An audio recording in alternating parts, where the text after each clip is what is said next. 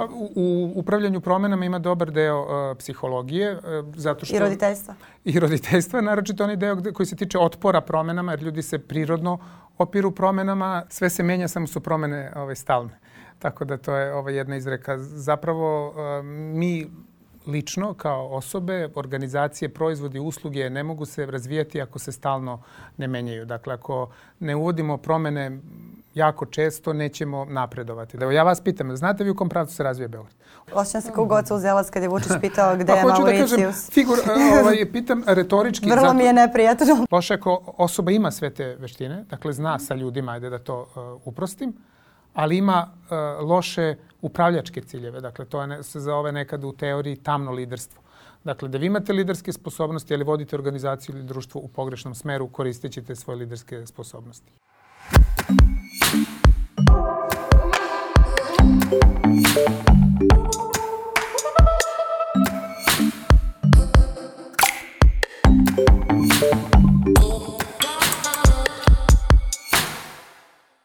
Dobar dan, dragi ljudi, dobrodošli u podcast Snaga Uma. Ovde nastojimo da razgovaramo iz pozicije razumevanja, ali i da učimo jedni od drugih. A kako je ovo vreme u kom se dosta govori o promenama, pre svega političkim, ukoliko pratite medije koji se bave politikom, ali je vreme pred praznike i inače vreme kada ljudi razmišljaju o promenama.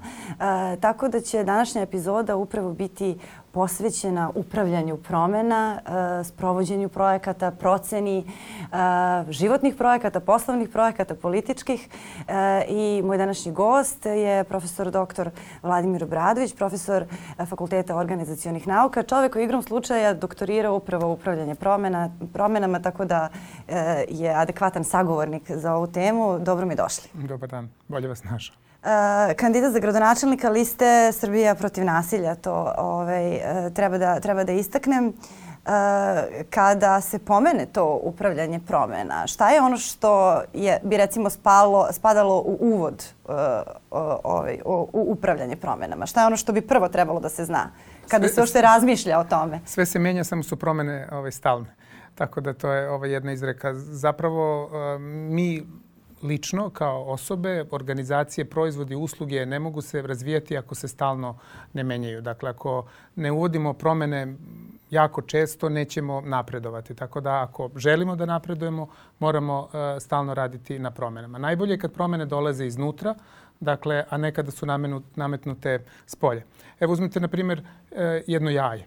Uh, I ako to jaje nam ispadne i razbije se, to prosuće se i nastaće šteta. Ali ako to jaje se razbije iznutra, to znači da je izašlo pile i da se rodio novi život. Tako da je, dakle, ako promjena dolazi iznutra kao potreba za rastom i razvojem, to je dobra stvar. E sada na polju, e, va, vaša konkretna ekspertiza se više tiče ovog e, poslovnog, sada i, i političkog aspekta promjena, e, ne onog ličnog i možda moglo bi se reći psihološkog ili, ili filozofskog. Koja su to pitanja koja treba uzeti u obzir pred nekom promenom? Ajde, za početak, ako planiramo neki projekat koji je promena. Da, pa postoji uh, veliki broj pitanja koje treba uzeti u obzir, ali prvo je, dakle, da li je kasnimo već za tu promenu, odnosno da li je pravo vreme za tu uh, promenu. Određena promena kad se uh, sprovodi kasno, možda neće više biti dobra ili neće dati dobre rezultate. Možete mi date primer neki? To je u poslu, verovatno. Pa i u, recimo, ako vi uh, želite da izbacite novi proizvod, to je neka uh mhm. vrsta uh, promene vašeg asortimana i ako vi ta, sa tim proizvodom zakasnite u odnosu na konkurenciju, dakle, to neće biti toliko dobro kao da ste prvi izašli sa takvim proizvodom ili uslugom. Eto, ili u našem, recimo, novinarskom poslu, ukoliko postoji neka ideja za priču i ona predugo čeka, E, kada taj momentum prođe, prođe to onda više nije to i vreme za neku novu ideju. Ili za neko pre vas izađe s tom uh, pričom. Dakle, da. recimo te su u, u biznisu ili, na primjer, u farmaciji. Zamislite kad neko izađe sa novim lekom pre neke druge uh, da. konkurentske kuće, to govorimo o stotinama miliona evra zarade zato što ste uh, pre prome, pokrenuli promenu nego neko drugi. Tako da je kod promene taj trenutak, taj momentum takođe uh, jako bitan.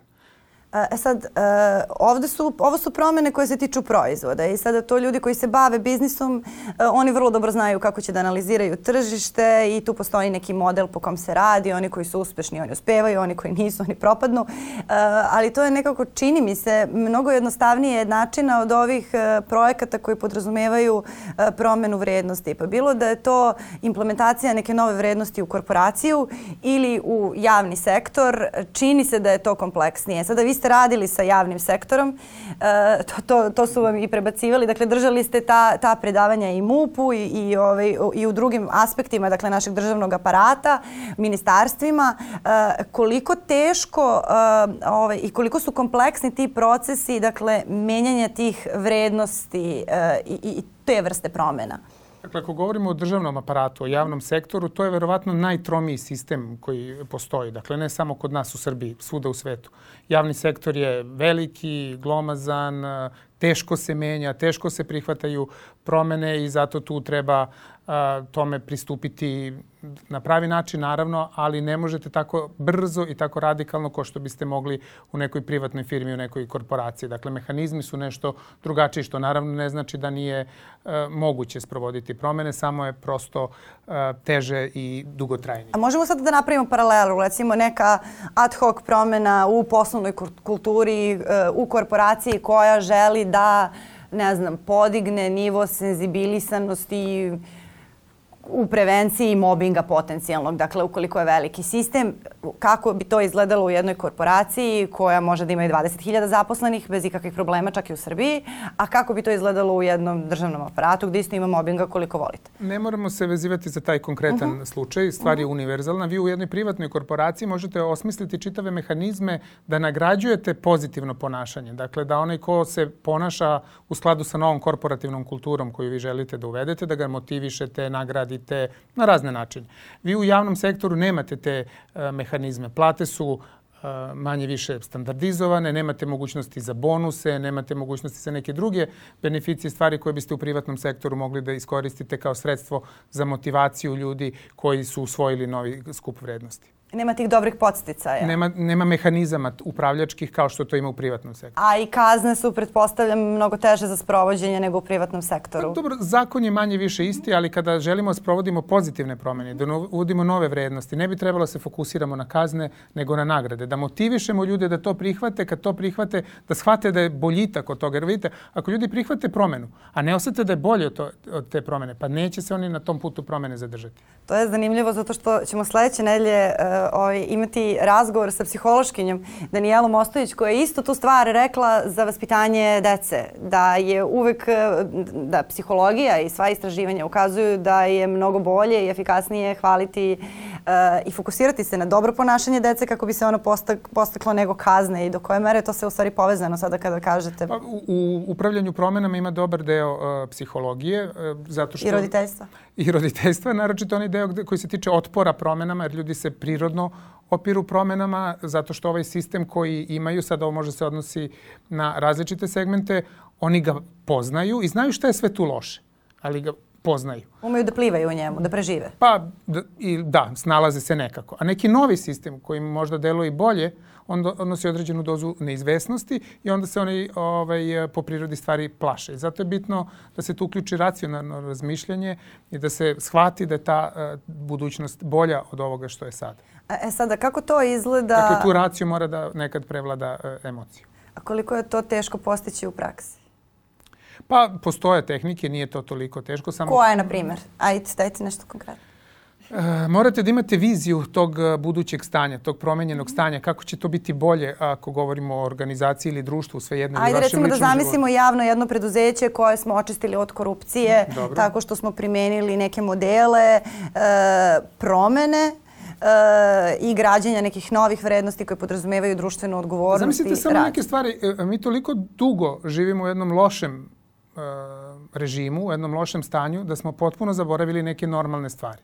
A normalne su stvari, zamislite imate konkurs i na tom konkursu vi zaberete najbolje kandidata koji nema političku vezu za koga niko nije zvao, niko nije urgirao. Onda taj čovjek koji počne da radi tu, on napreduje zato što je recimo u svom sektoru bio najbolji pa ide na više radno mesto, pa dobije veću platu, pa napreduje u karijeri, pa ga neko pohvali zato što je dobro uradio, pa ga niko ne tera uh, da glasa, da ide na miting, da uh, sve te stvari radi. Dakle, to nije neka uh, ono, posebna nauka, to su samo neke normalne stvari koje je jako lako primeniti. Lako. I već je, već je bolje. Dakle, ako postoji politička volja, naravno. E sad, e, ono što sam recimo e, ja primetila kada govorimo o tim predavanjima koje su usmerena ka e, promenama nekih vrednosti i ka usađivanju vrednosti, ja sam se konkretno, imam iskustvo u držanju seminara i predavanja na temu etičkog i odgovornog izveštavanja o rodno zasnovanom nasilju u medijima, jer je to opet moje, moje neko, neko polje. I primetim, dakle, ti seminari koji držim, oni su, ne znam, dvodnevni, nekad i traju više i to su seminari koji traju po 8 sati sa pauzama i vi osetite na predavanju da ljude to zanima. Mislim, znači to ako vas zadrže uh, još sat vremena posle toga, ako i u pauzi da. pričate pa ostanete bez glasa, prosto vidite da to nisu neki ljudi koji su tu došli da bi nešto štiklirali, nego ih zaista zanima. Uh, I čini vam se da je to usvojeno, da je prihvaćeno, ali opet posle toga kada pratim, vidim koliko se to uh, možda primenjuje tih prvih nedelju dana posle seminara, ali onda postepeno krene da opada. Uh, da li je vaše iskustvo takvo konkretno u ovim obukama koje ste vi držali u javnom sektoru, jer znam koliko se novca iz fondova uh, koje opredeljuju uh, države Evropske unije daje, na primer, na edukaciju MUPA o tome kako da se senzibilisano ponaša, ponaša prema žrtvama nasilja, a znam kako to izgleda u praksi i znam da su svi ti ljudi prošli te kurseve. Gde je tu začkoljica? Šta se tu desi? Dve, uh, od 2000 četvrte, pete godine ja držim obuke za javni sektor, dakle lokalne samouprave, ministarstva, državne organe i tako dalje. I najviše sam držao upravljanje projektima, upravljanje promenama, strategiju i tako dalje. Svi ti ljudi koji steknu ta nova znanja i veštine, nažalost, oni jako brzo odu iz javnog sektora. I više nisu tamo. I onda do, dođu neki novi ljudi i onda ih opet obučavamo i tako imamo ciklu. Što je, što je ok što sve te ljude obučavamo, ali je loše zato što ovi ljudi koji su stekli ta znanja, i veštine i razvili se, oni osjećaju da u toj organizaciji to ne mogu da primene i ne mogu da se razvijaju dalje i onda odlaze u, u druge sektore, u nevladin sektor, u privredu, dakle, ali napuštaju javni sektor, zato što njihova znanja tamo nisu prepoznate. Evo što sam malo pregovorio, dakle, nisu nagrađeni zbog toga što su usvojili nova znanja zato što žele da ih primenjuju i tako dalje, nego su čak možda i e, zaustavljeni u tome.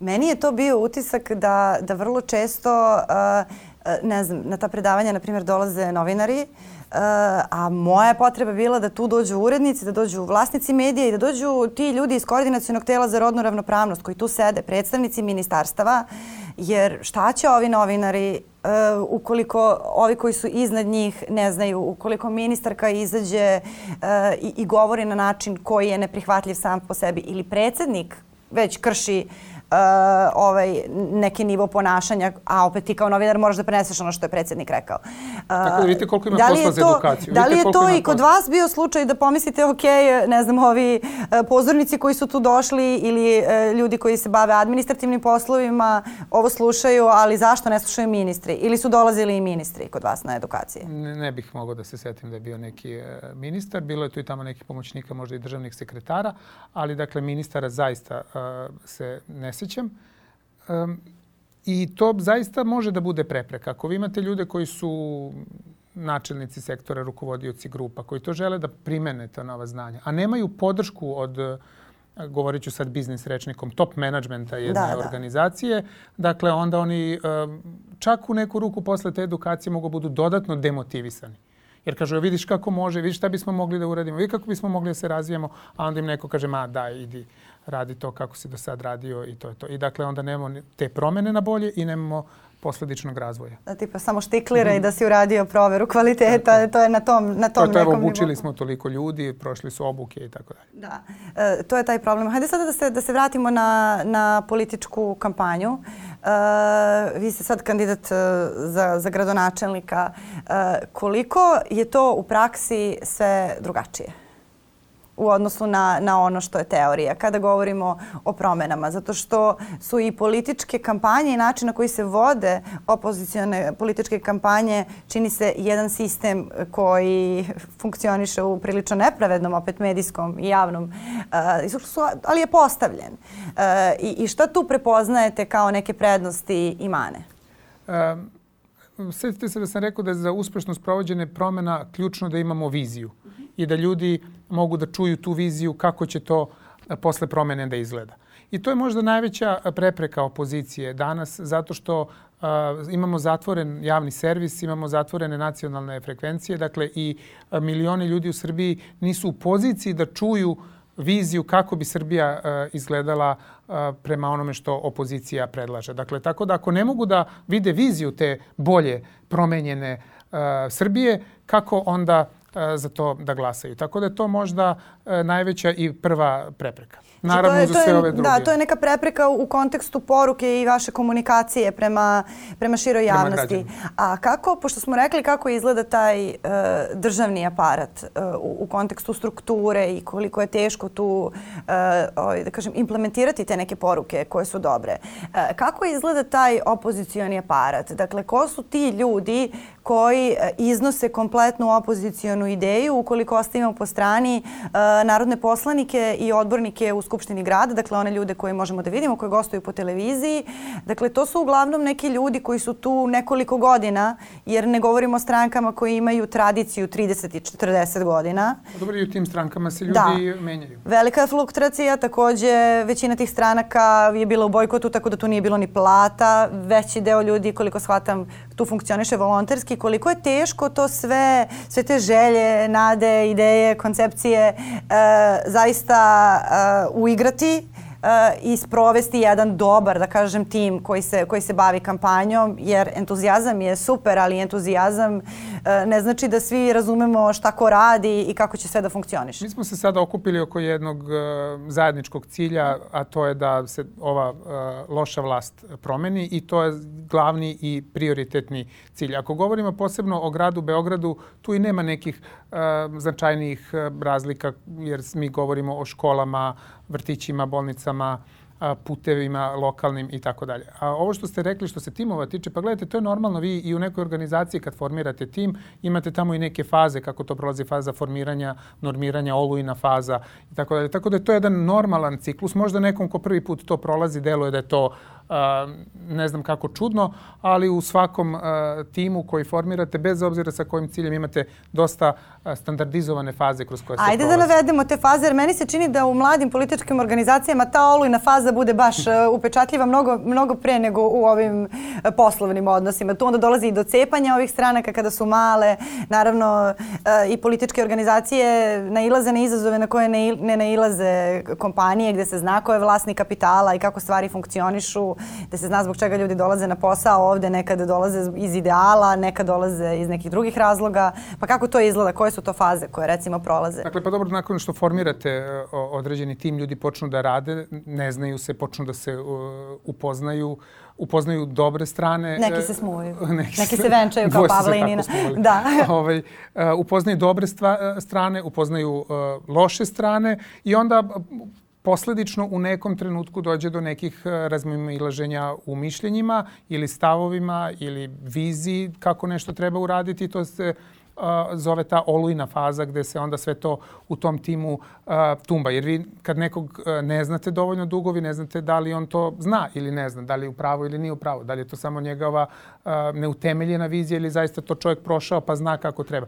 Tako da to je normalno da se prođe, onda se ulazi u tu fazu normiranja, kako se zove, i dalje funkcionisanja tima. Kod izbornih kampanja period je dosta kratak, Tako da sve te faze moraju da budu brže, intenzivnije i da se to sve ovaj, e, e, desi možda brže nego da imate šest meseci funkcionisanja nekog tima na projektu ili godinu dana. A koliko bi e, naša politička slika bila... Samo još da vam mhm. kažem, ali iz tih, to isto jako bitno da podvučemo, iz tih razlika u mišljenjima najčešće dolaze dobra rešenja. Zato što ako svi mislimo isto, onda ne mislimo dovoljno onda ako svi mislimo isto, pa zašto, zašto imamo tim? Dakle, mi moramo da razmišljamo različito, da suprostavljamo mišljenja i da iz te razlike mišljenja proistekne najbolje moguće rešenje. Tako da to uh, tim u kome svi misle isto nije dobar tim. A, a koje su stvari koje bi svako trebalo da zna kada ulazi u neku vrstu uh, političkog aktivizma? Jer ja konkretno poznajem ljude koji su zaista iz nekih svojih ličnih političkih uh, uverenja, bez neke mhm. potrebe da se sutra negde uhlebe ili tako dalje, uh, ušli u političku organizaciju i krenuli da se bave aktivizmom, uh, ali to oduzima sve više i više vremena, pa onda ti treba kući da objasniš što si ti po 3-4 sata svaki dan u nekoj stranci, što ti tamo radiš, uh, o, otprilike i to onda krene, uh, dolazi do tih nekih onako možda i izneverenih očekivanja i nekih potreba koje možda ljudima nisu prirodne, ali imaju potrebu da se osjećaju cenjeno. Uh, šta bi ljudi trebalo da znaju i, i, i na što bi trebalo da računaju kada planiraju bilo kakvu vrstu političkog aktivizma, bilo da je to ovaj koji mi ne vidimo, bilo da je ovaj koji se vidi u koji ste i vi ušli kao profesor? Um, mi smo jedna uslovno rečeno mlada politička scena ako tako mogu da kažem. Dakle, kao što ste rekli, mi smo imali nominalno, vi možete kažete da imamo ovde više partijski sistem a, 30 godina ili koliko već. Dakle, ali smo imali vrlo turbulentne periode da su neke stranke de facto nestajale, neke nove su se rađale i sad ovaj bojkot koji ste pominjali, on je doveo do toga da su sada dobar deo stranaka, iako imaju neku tradiciju, kreću neki novi početak. Tako da te stranke nisu uh, takođe uh, stabilne, dugotrajne organizacije koje imaju ustaljene sisteme, nego imaju svoje uspone. To je u suštini jedino padu. SPS ima tu vrstu tradicije na ovim prostorima da postoji jedino, 30 da, godina, da ima školu. Postoji, SPS postoji e, od 45. Da, ali oni kao, ajde da kažem, znam da imaju samo njihova škola za Mislim, političare. Samo su menjali ime, ali... Da, da. Ali i ta škola njihova za političare postoji već 30 godina. Oni imaju generacije generacije političara koji prolaze isti sistem. Sve se to nekako zna da. kod njih. E, ali to je zapravo neki model koji bi, tre, što se tiče tradicije, nešto tiče ideologije da. i vrednosti, uh, o tome, to je sada stvar ličnih preferencija i potreba, ali e, tako bi u stvari to trebalo da izgleda. Dakle, da. sad e, sklonimo za trenutak na stranu e, političko-ideološku stranu da. stranke, što je zapravo e, svrha njenog postojanja. Ali ako to sklonimo, imate, morate da imate jednu organizaciju, jedan sistem, gde, dakle, to mora da funkcioniše kao E, stabilna organizacija. Zbog svih ovih stvari, a i ovo što e, je svima jasno da je, e, su vladajuće strukture SNS se trudili da unište zapravo opozicijonu scenu, to nije tako tako jednostavno. Tako da su neke, ako mogu da iskoristim taj termin, neke stranke zapravo kao neki start-up, dakle kreću od nule. Sad ako govorimo, da se vratimo na biznis, u preduzetništvu i start-upu, vi kad postanete preduzetnik, preduzetnica, uh, Dakle, vi ne možete da računate na posao od 8 e, sati, od 9 do 5. Dakle, vi kad ste preduzetnik, vas to celog e, uvuče. Nema početak, nema kraj, nema radno vreme. Vi noću razmišljate o tome šta ćete sutra uraditi i tako dalje. Kad radite u korporaciji, vi onda odete od 9 do 5, znate šta je vaš posao za dana, završite, odete kući. Tako i sad ove stranke, ako su one mlade i razvijaju se, One, dakle, traže više energije, više angažovanja za te ljude da se to sve pokrene u, u stali i dođe u neku stabilnu fazu. Da, to, to sećam se da sam ranije nešto baš razmišljala o tome kako je svaki novi projekat e, kao novorođenče. Mm. Spavaš kad on spava e, i jedeš kad možeš i prosto otpišeš sve neko vrijeme dok se stvari ne, ne stabilizuju, jer uglavnom tako, tako, tako funkcionišu stvari. A sada iz, iz vašeg ugla kada E, kada, razmišljate o ranijim e, kampanjama političkim, bilo da, da su konkretno predizborne kampanje koje je opozicija e, sprovodila kada je izlazila protiv vlasti ili kampanja bojkota, pa čak i ovi različiti protesti koji su se dešavali, makar jednom godišnje smo imali neki veliki protest koji uglavnom opozicija organizuje. Koje su to neke greške iz ugla struke i organizacije koje opozicija pravi i koje bi bilo dobro dobro da nauči i da prestane da pravi, koje su možda i prirodne, možda nisu? Dakle, pa sad rekli ste, imali smo dosta, uh, dosta toga. Dakle, nije, uh, gledajte, kad govorimo o promjenama i projektima, vi imate formalne organizacije, one su vrlo ustrojene. Ovo su uh, nekada kada je neki protest, to je, se zove ad hoc organizacija. Dakle, ona, to je neki skup ljudi koji se a, skupio zarad određenog cilja ili ideje u određenom trenutku. Tako da, dakle, ne mogu se ona neka standardna pravila koja se primenjuju na ustaljene organizacije primeniti na te ad hoc a, organizacije. A šta bi bilo dobro da može da se primeni? Dakle, bilo bi dobro da tih protesta nema, da je to društvo uređeno i da mi nemamo potrebe A dobro, da... nemojte sada da mi da... vrdate, znate ne, ne. šta vas pitam. Konkretno, mi kao javnost vrlo često imamo taj moment da sve stvari u opoziciji idu dobro, onda neko iskoči s nekom izjavom i svi su kao zašto, kako. E, to onda deluje kao da recimo ne postoji dovoljno komunikacije. Ali kako to mislite, izgleda sa druge strane? Ali mislite da ako imamo uh, sveobuhvatnu opoziciju, to je ono što sam malo pregovorio, da svi treba da imaju isti stav i isto mišljenje po svim temama? Ja iskreno ne mislim, ali mislim da ovom društvu to trenutno treba zato što s druge strane je za početak jedna vrlo velika mašinerija koja je jako uigrana. Čak i kada iskoče, oni imaju uigran, uigran sistem kako to iskakanje... Oni imaju sve medije ovog sveta. Pa... Između ostalog, da. Ove, ali čak i kada neko iskoči e, iz njihovog tog nekog plana delovanja, čak i kada predsednik iskoče iz plana delovanja, oni čini se da, da postoji već neki uigrani sistem, jedna mašinerija koja to vrati i mislim da e, ljudima treba neki osjećaj sigurnosti da opozicija zna šta radi, a da kada opozicija šalje različite poruke, da se taj osjećaj sigurnosti umanjuje. To je neki moj osjećaj kao, kao novinarke. E sad, zanima me kako to da, izgleda ja iznutra. Ja možda, pošto dolazim iz drugog sveta, ja to zaista e, vidim uh, drugim očima. Dakle, ja mislim što imamo pluralizam ideja, što ljudi različitim stvarima stvarima različito misle da je to dobro. Ono što je ne bi bilo dobro jeste da ako se mi dogovorimo oko neke ideje ili nekog plana, da to neko ne pošto ili napusti, što ja mislim da se u principu ne dešava. To što ima drugu neku ideju ili neki stav, to je, e, to je dobro. Pa vi mislite kad se svi ovi neki zajednički planovi, akcije ili nešto dogovaraju, da svi uvek svi isto misle. Ne, pa e, kad se u, u kući dogovarate nešto, kad se dogovaramo gde ćemo da idemo na ručak, dakle ne možemo svi da želimo isto, ali se onda na kraju dogovorimo i svi odemo tamo na ručak. Ali to ne znači da smo svi imali isto mišljenje na početku. Dobro, to, to jeste, da kažem, racionalno razmišljanje i kada pogledamo i svoje neka radna okruženja, ja sam recimo e, okruženjem na ovom portalu gde, gde se emituje ovaj podcast vrlo zadovoljna, ali ima jedno 30 različitih e, odnosa i prema novinarstvu, što je meni vrlo srcu bitno, kakav je odnos, a i prema svim drugim temama, pa to opet e, ovaj, ne predstavlja problem, ali o, opet jeste primetno e, da, da ljude to uznemirava, mada je opet i taj utisak čini se dosta manji uh, od kad je krenuo prošli savez Skupštine. Čini se da su vas ti rovovi uh, u tom vrlo zdravom radnom okruženju koje se zove Narodni parlament ovaj, e, nekako zbližili kao, kao u rovu. E, čini se da je, da je ovaj deo opozicije koji je sada okupljen oko liste Srbije protiv nasilja se mnogo, mnogo više nekako uigrao baš u, u parlamentu. Jer to to iskustvo političko Jeste koje je trebalo da se nakupi. Mi se i sada svi znamo. Dakle, proveli smo godinu i nešto dana zajedno u klupama, sad možemo kažemo da smo drugari iz klupe. E, dakle, i znamo se i to ono što sam rekao, možda smo u tom parlamentu prošli te neke faze formiranja tih zajednica ili timova, tako da je sada lakše za funkcionisanje. Ali to isto se odnosi i na gradski parlament, dakle gde smo uh, imali različite odborničke grupe, ali smo u nekim akcijama uh, zajedno se dogovarali, funkcionisali i sve to bilo dobro. To ne znači da smo uvek o svim temama imali isto mišljenje, ali kad se dogovorimo oko neke akcije, svi smo to zajedno sprovodili. Uh, sada...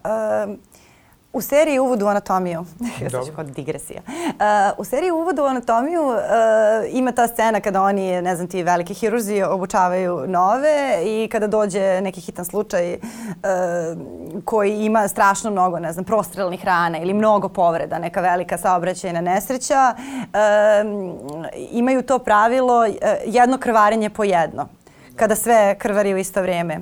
Je li to model uh, poslovanja koji i ne znam planiranja, upravljanja koji bi trebalo primeniti ne znam na Beograd i na takve strukture gde ima strašno mnogo problema. Imamo i javni prevoz i vrtiće i puteve i sve živo uh, i ne znam kakvu korupciju i šta se sve dešavalo sa tim fondovima, uh, kome su sve raspodeljena sredstva, malte ne Uh, je li to isto ide krv, jedno krvarenje po jedno ne, ili kako ne, to, to funkcioniše? To bi, kad bismo ovaj, preneli uh -huh. na taj mhm. medicinski rečnik, to bi bilo uh, jedan pacijent po jedan pacijent. Ali da. to onda nije dovoljno. Vi morate da imate više ambulanti i više operacijnih sala Dobro. i da radite um, više. Dakle, tako da kada smo u gradu rešavali jedan po jedan problem, mislim da nikad ne bismo sve rešili i da bi se dok nešto rešimo, pa sledeći onaj prvi ponovo javio. Dakle, mora se u širem frontu rešavati više problema paralelno, zato imamo timove, zato je timski rad, više ljudi, više eksperata da možemo da delujemo, to se kaže kroz portfolio projekata,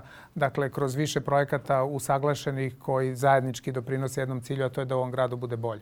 E sada, e, opet ako govorimo o, o toj medijskoj prezentaciji, e, e, uvek postoji taj sukob između toga da li neko ume da radi posao i ima tu stručnu, taj stručan uvid u to kako bi trebalo izgraditi neki sistem, a čini se da je, da je upravljanje gradom baš taj klasičan jedan menadžerski posao, mislim ni ne zove se džabe gradski menadžer ta pozicija i s druge strane taj faktor harizme koji u jednom populističkom društvu dosta, e, dosta značajan. Kakav je vaš uticaj? Da li to postoji i u biznisu i, i, i da li postoji neka teorija na, na tu temu koja nema veze samo sa politikom? Koliko je to bitno? Tu harizmu možemo da raslojimo na neke stvari koje su onda malo više menadžerske. Da primjer, uh mhm. -huh. koliko neka osoba dobar komunikator, koliko zna dobro da komunicira sa ljudima, koliko je ima empatiju, koliko ima socijalnu emocionalnu inteligenciju, um, koliko uh, zna da sluša druge ljude, kako zna da motiviše svoj tim i tako dalje. Onda kad to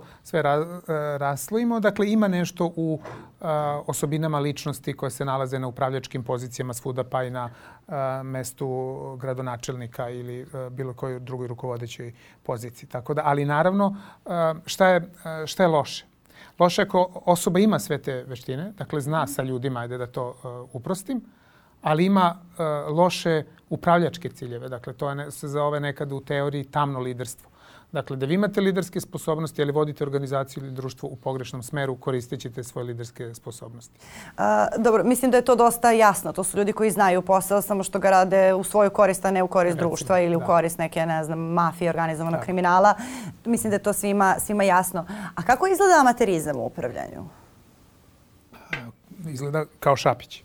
Dakle, zato što Pa ne, uh, ajde da budemo ozbiljni. Dakle, uh, on, kad pogledate šta je uradio za ovih skoro pola mandata, Dakle, tu nema nikakvog plana, nema nikakve strategije, nema nikakve vizije, nego su to neke ad hoc mere koje se a, njemu u tom trenutku čine bitnim. Grad Beograd ima, na primjer, usvojenu strategiju razvoja o kojoj ja mogu da imam ovako ili onako mišljenje, ali se a, gradonačelnik te strategije niti pridržava, niti je promenio. Dakle, ako on smatra ta strategija nije dobra, on treba da donese novu strategiju i kaže, e, ovako će sad ovaj grad da se razvija. pa ide po toj strategiji, zato što nije to njegova a, lična neka stvar. To je grad koji ima preko milijon i šesto hiljada glasača. Dakle, ljudi moraju da znaju u kom pravcu ide grad. Evo, ja vas pitam, znate vi u kom pravcu se razvija Beograd? Hoće Beograd da bude, da stavi naglasak na nanotehnologije ili na zdravu hranu ili na, na mislim, koja je vizija razvoja Beograda? Pa mislim... Za, na mlade, na, dakle... Osjećam se kao goca uzelac kad je Vučić pitao gde pa, je Mauricius. Da kažem, figur, ovaj, pitam retorički. Vrlo zato, mi je neprijatno. Retorički, da, dakle, čovek mora pitate, da da viziju da. grada i onda ako vi želite, na primjer, kao što ja smatram da Beograd mora da bude samoodrživ sistem. Da dakle po rubnim opštinama da se proizvodi hrana koja će biti dnevno dostupna na, na stolovima Beograđana. Ako vi imate tu viziju, Iz te vizije vi onda izvlačite i mere za posticaj poljoprivrede i gde ćete raditi saobraćajnice i gde ćete raditi određena čvorišta, transportne centre, sve ono što treba da biste tu viziju uh, osposobili. Ovako je sve ad hoc i neće dati rezultat. E sada, apropo ovog pitanja gde, gde ja mislim da se, da se razvija grad, sad tu moje neko lično mišljenje nije bitno, meni je prva asocijacija bila zagađenje, ali to je zato što je to moj lični problem uh, sa tim problemom Ali mislim da većina ljudi e, koji e, možda, ne znam, su zadovoljni ili nisu pretarano nezadovoljni e, vođenjem grada, da će im prva asocijacija biti to građenje i jedna ekspanzija u svakom smislu. Ok, jedna estetika koja je nova, koja se nekome dopada, nekome se ne dopada, ali zaista postaje sve primetnija i dakle Beograd poprima jedno, jedno novo lice. E, čini mi se da bi većini ljudi to bio prvi, e, prvi utisak. Dakle, pa to jeste taj, ti jedna... trgovi, sve te, sva ta gradilišta, sigurno Beograd na vodi, da su to neki simboli tog puta o kom se, o kom se radi. Ali kad to stavimo jedan drugi uh, fokus, to je sve privatno bogaćenje. Dakle, i za deset godina ove vlasti nije ostao ni jedan kapitalni infrastrukturni projekat. Dakle, oni za deset godina nisu napravili ni jedan most. Nisu napravili ni jedan značajni tunel. Nisu napravili neku uh, složenu raskrsnicu, dakle kao što su Mostar ili tako nešto. Dakle, šta je ostalo iza njih za 10 godina? Ništa. Oni ovo što kažu, pa evo ima Beograd na vodi, pa znamo to je privatni kapital, to se neko na e, koruptivan način privatno bogatio, to nije državni projekat. Pa da, jeste, to, to je kao kada bi neko sada govorio o, na primjer, Belvilu ili Ušću ili o Delta Cityu kao o, o gradskom e, projektu. projektu. Da, to su dakle privatni projekti, to što je neko napravio shopping centar, to nije nešto što je državni projekat. Dakle, to je privatno i neko će tu zaraditi ili neće. Dakle, e, nema veze. S druge strane, u, u centralnim gradskim zonama je prekomerena gradnja, tako da vi imate recimo ulicu gde je bilo možda 20 ili 30 kuća, sad tu imate 5000 stanova. E, dakle, infrastruktura gradska to više ne može da podnese, ne može da istrpi. Nemate ni e, dovoljnu širinu saobraćajnica, nemate dovoljno zelenila, nemate e, vrtiće i svu drugu infrastrukturu koja vam je potrebna za taj broj stanovnika. Tako da je, dakle, to isto jedan način um, sumanutog trošenja resursa. resursa ovog grada dakle na, jedan najlaganiji način da se samo nešto uh, izvuče, umesto da se planski grad širio uh, prema svojim obodima, dakle oni su samo u centru um, zidali na lokacijama gde često nije ni trebalo se zida, rušili stare vile i pravili njihove stakleno-betonske objekte. I sada kada govorimo o upravljanju promenama po pitanju pre svega vrednosti, a možda čak i odnos prema javnom interesu, jedna vrednost koju građani očekuju uh, u javnom sektoru.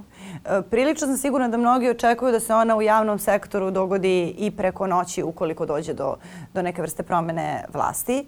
E, koji su tu realni, realni izazovi? Jer, mislim, zaustavljanje korupcije o kojoj se govori svakako da će donese neki, neki boljitak, pravno procesuiranje, sve, sve to stoji, ali ovo, ova vrednostna promena, koji su tu sve, sve izazovi? S jedne strane, s druge strane, koji su izazovi ovih promena koje bi zaista podrazumevale to neko pravno procesuiranje silnih tih nekih objekata za koje se govori da su, da su ilegalni, da su problematični. E, to su zaista velike promene i to je jedan ozbiljan krizni menadžment koji s jedne strane mora da bude održiv, s druge strane mora da bude iskomuniciran ako se ne varam kako treba, tako da upotrebim taj termin tako iskomuniciran, da. e, objašnjen građanima tako da oni ne polude. Promena uh, uh, vrednosti je poslednji vagon u kompoziciji promene. Dakle, vi morate prvo da pokažete, eh, evo da vam navedem primer.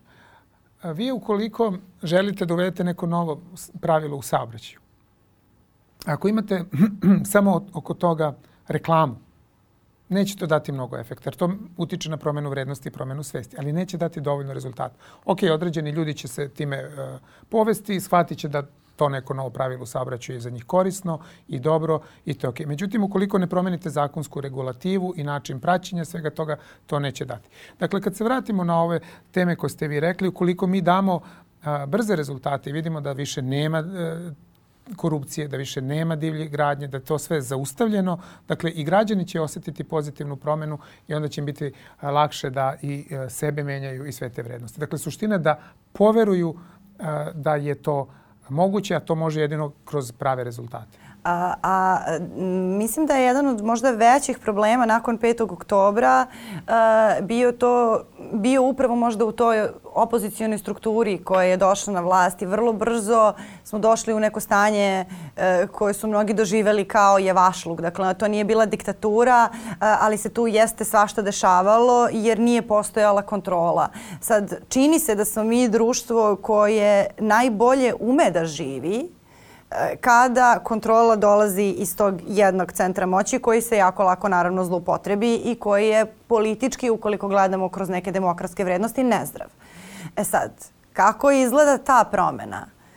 Zaista postavljanje jednog sistema koji će da funkcioniše i koji neće da se pretvori u evašluk, jer verujem da je to briga mnogih ljudi, možda čak i vaša. E, ovaj, e, kako izgleda ta promena jednog društva koje u suštini ne ume da, da radi drugačije, e, sem pod tim jasnim smernicama? Ali pogledajte, ja često um, navodim baš na tim edukacijama, primjer. Naši uh -huh. ljudi ka, koji, nažalost, dosta odlaze u inostranstvo i kada odu u Nemačku ili Švajcarsku uređene sisteme, oni nemaju nikakav problem uh, sa sistemom i sa pravilima. Oni se tamo super snađu i budu odlični inženjeri, hirurzi, dakle već gde se uh, zaposle. Dakle, nemaju problem sa sistemom.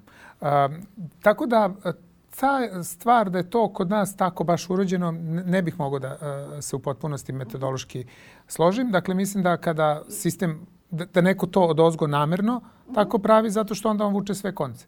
Ako vi imate sistem, u sistemu je mnogo lakše funkcionisati nego u bezakonju gde sve zavisi od jednog čoveka. Ali to je problem, mislim, ovde su bili neurobiolozi, psiholozi i sve i mi jesmo životinje čopora uh, u, tom nekom smislu i ne postoji džabe taj uh, narodni izraz s kim si takav si. Uh, ne znam, neurobiolozi će to nazvati mirror neuronima, da se mi vrlo lako prilagodimo vrednostima neke nove grupe u koju smo došli. Grupe. Pa da, mi sada ako odemo da, da, da sedimo uh, sa, ne znam, klasičnim muzičarima, vrlo brzo ćemo poprimiti neke njihove manire, iako nećemo možda dobiti njihov sluh, ali kada bi nas stavili u zadrugu posle godinu dana, možda bismo krenuli da se izražavamo kao ti ljudi, jer grupa te usisa. Ja.